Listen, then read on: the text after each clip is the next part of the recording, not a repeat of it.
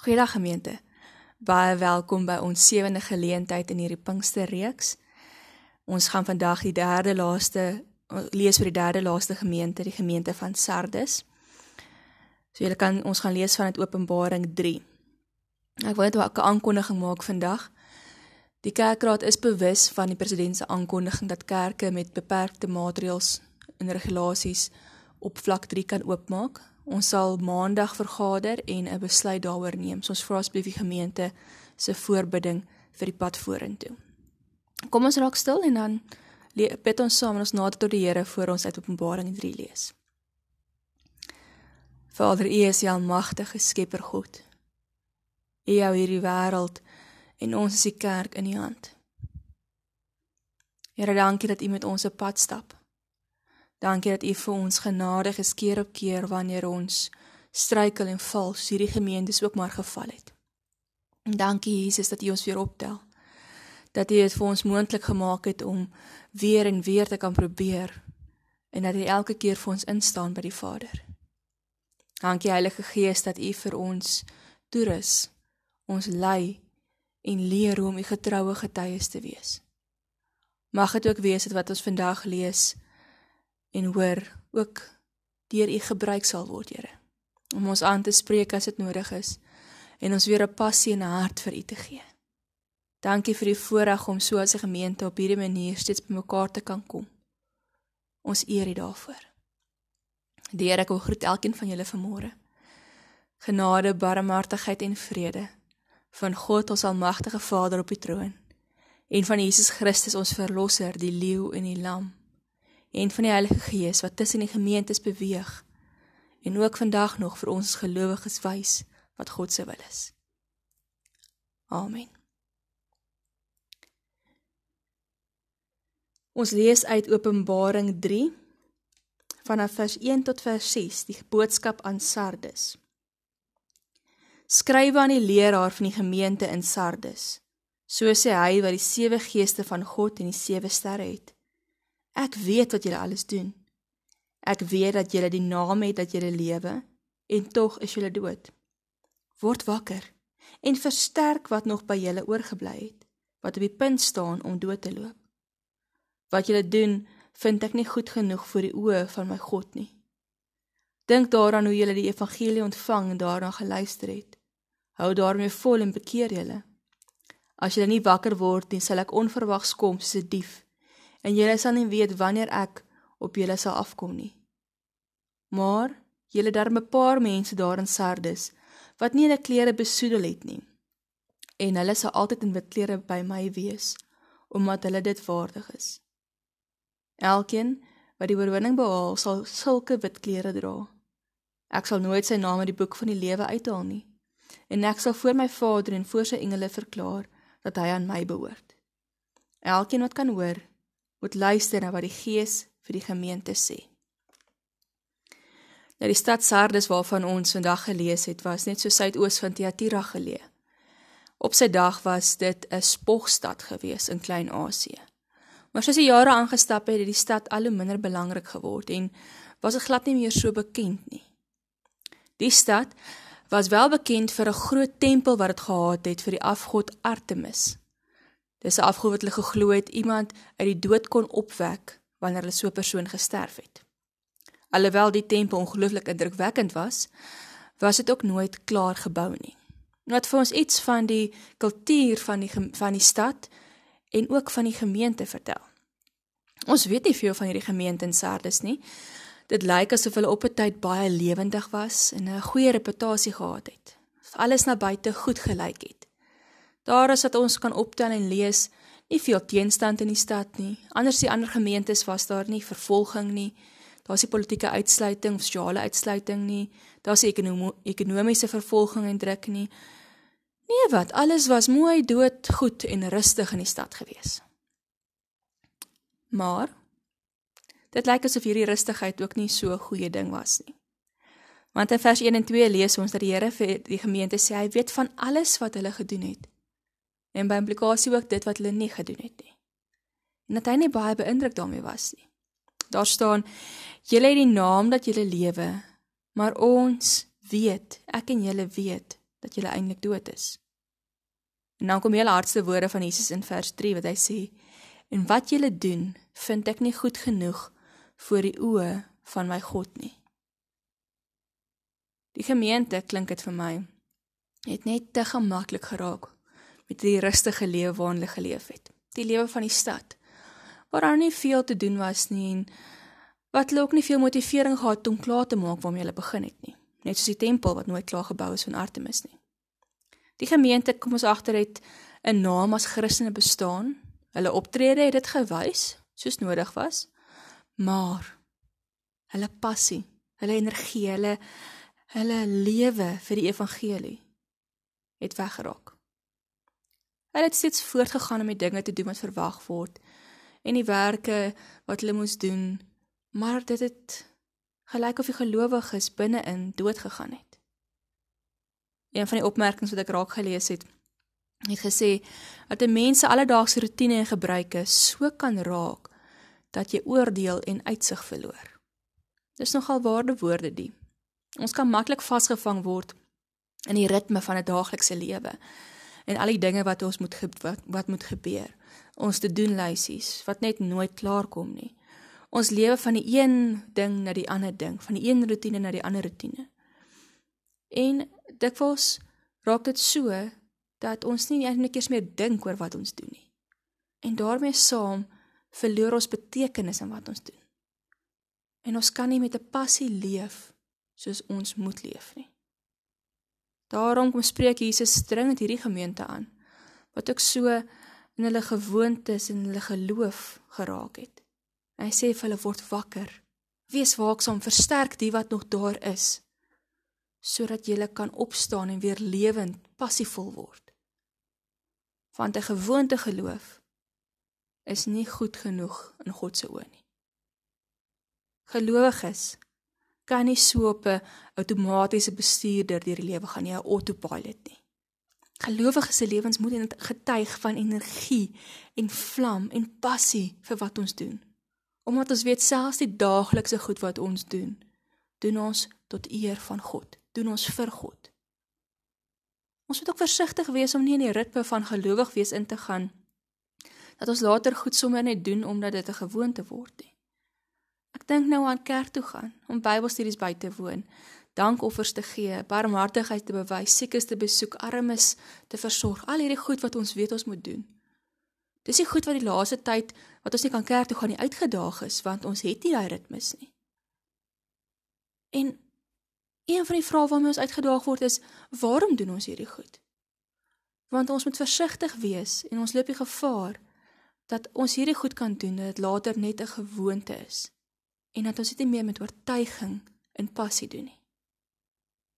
Natuurlik mag ons ritmes hê.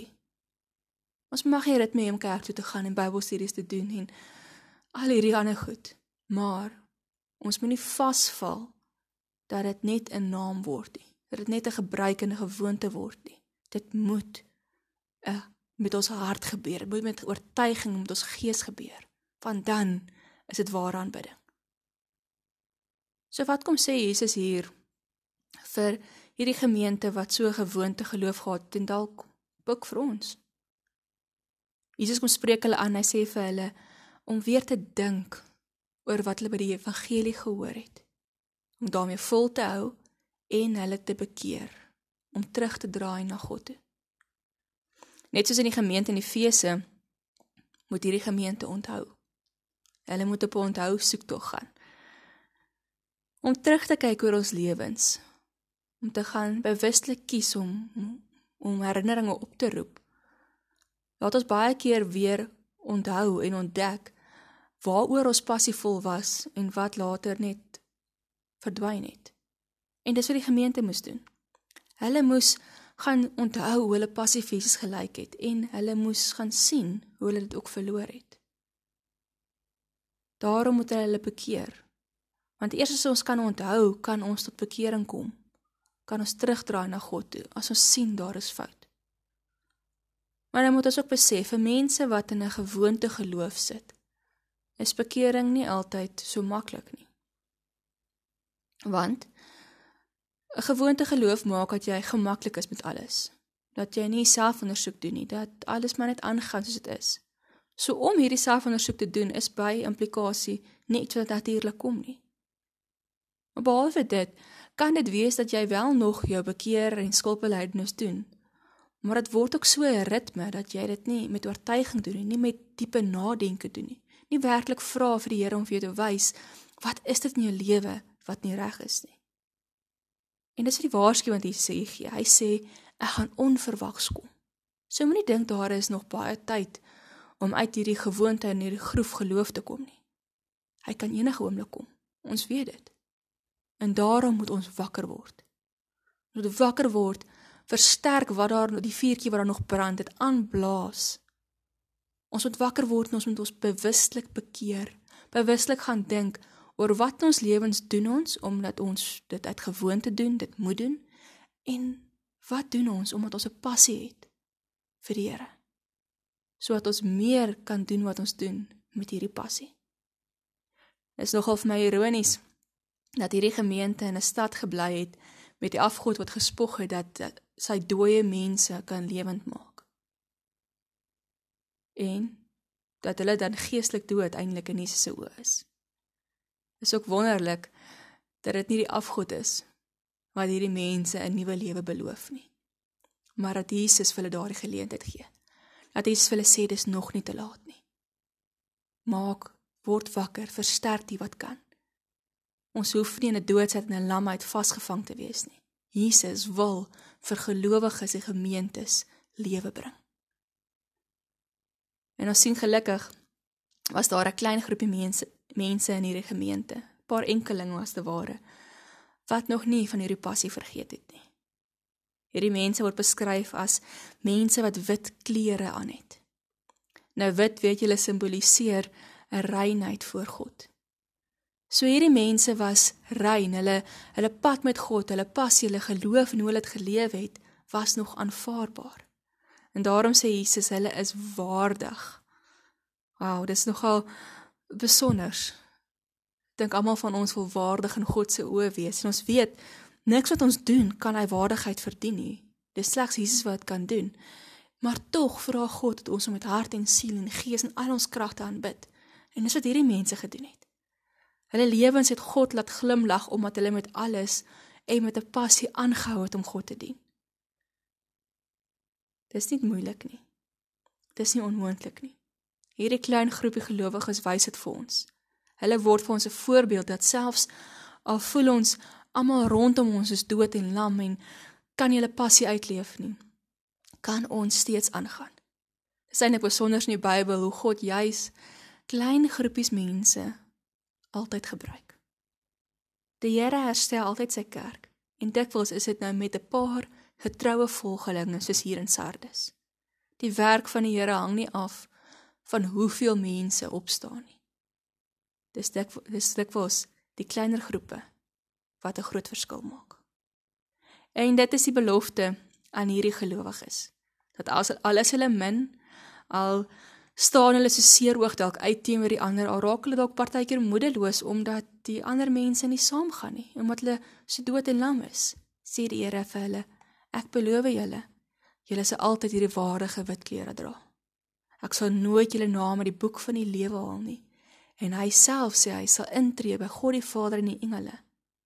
Wat Jesus hier vir hierdie gelowiges en vir ons beloof, is dat wanneer ons met toewyding aanhou leef, met passie aanhou leef, opreg dink oor ons bekering, opreg dink oor wat ons doen, dit met oorgawe doen, dat ons verseker kan wees dat ons altyd in sy oë waardig sal wees. Ons kan verseker wees ons sal die lewe saam met hom hê. En ons kan verseker wees dat wanneer die oordeelsdag kom, soos eers anders in die Bybel ook lees, Jesus by die Vader sal staan vir ons sal intree en sal sê hierdie een is my kind. Dis God se wil vir gemeentes dat ons entoesiasties, passievolle gelowiges sal wees wat God met toewyding dien. Daarom word Jesus in hierdie gedeelte ook beskryf as 'n een wat die sewe geeste van God het met die sewe sterre in sy hand. Van die sewe sterre het ons reeds gehoor in die gemeente van Efese wat die ingesteldheid van gemeentes uitbeeld. Jesus word hier uitgebeeld met die volmaakte gees van God om ons te help besef dat ons nie 'n gewoonte geloof kan en hoef te hê nie. Selfs al is ons jare gelowig is, kan ons met toewyding steeds God dien. En Jesus gee vir ons die Heilige Gees, die lewendmakende Gees, om ons uit doodsheid, uit lamheid, uit 'n gewoonte groef geloof op te wek na 'n lewende geloof en kinders wat hom met toewyding dien. So my vraag aan julle vandag om bietjie oor te gaan nadink is die volgende. Eerstens, voorspoed en 'n rustige lewe is nie altyd goed vir ons geloof nie. Kan jy stories uit jou eie lewe uit hieroor vertel? Tweedens, hoe dink ons oor God en ons verhouding met hom? Dink ons soms daaraan dat hy ook gevoelens het? Het ons al daaraan gedink dat God met gevoel van liefde oor ons dink? Of dalk selfs 'n gevoel van teleurstelling? Het ons al gedink dat ons met gehoorsaamheid aan hom 'n gevoel van blydskap en trots kan gee? Dat ons God kan laat glimlag? Derdens. Gesels 'n bietjie met mekaar daar by jou huis of in julle geselgroepe oor die stelling dat die Here groot skuwe op aarde kan maak met 'n klein groepie mense wat reg is om vir hom te werk. Is jy reg?